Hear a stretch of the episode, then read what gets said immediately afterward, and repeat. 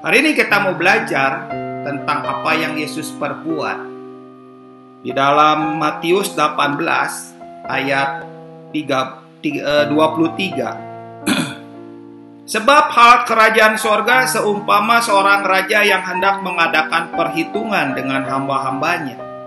Setelah ia mulai mengadakan perhitungan itu, dihadapkanlah kepadanya seorang yang berhutang sepuluh ribu talenta.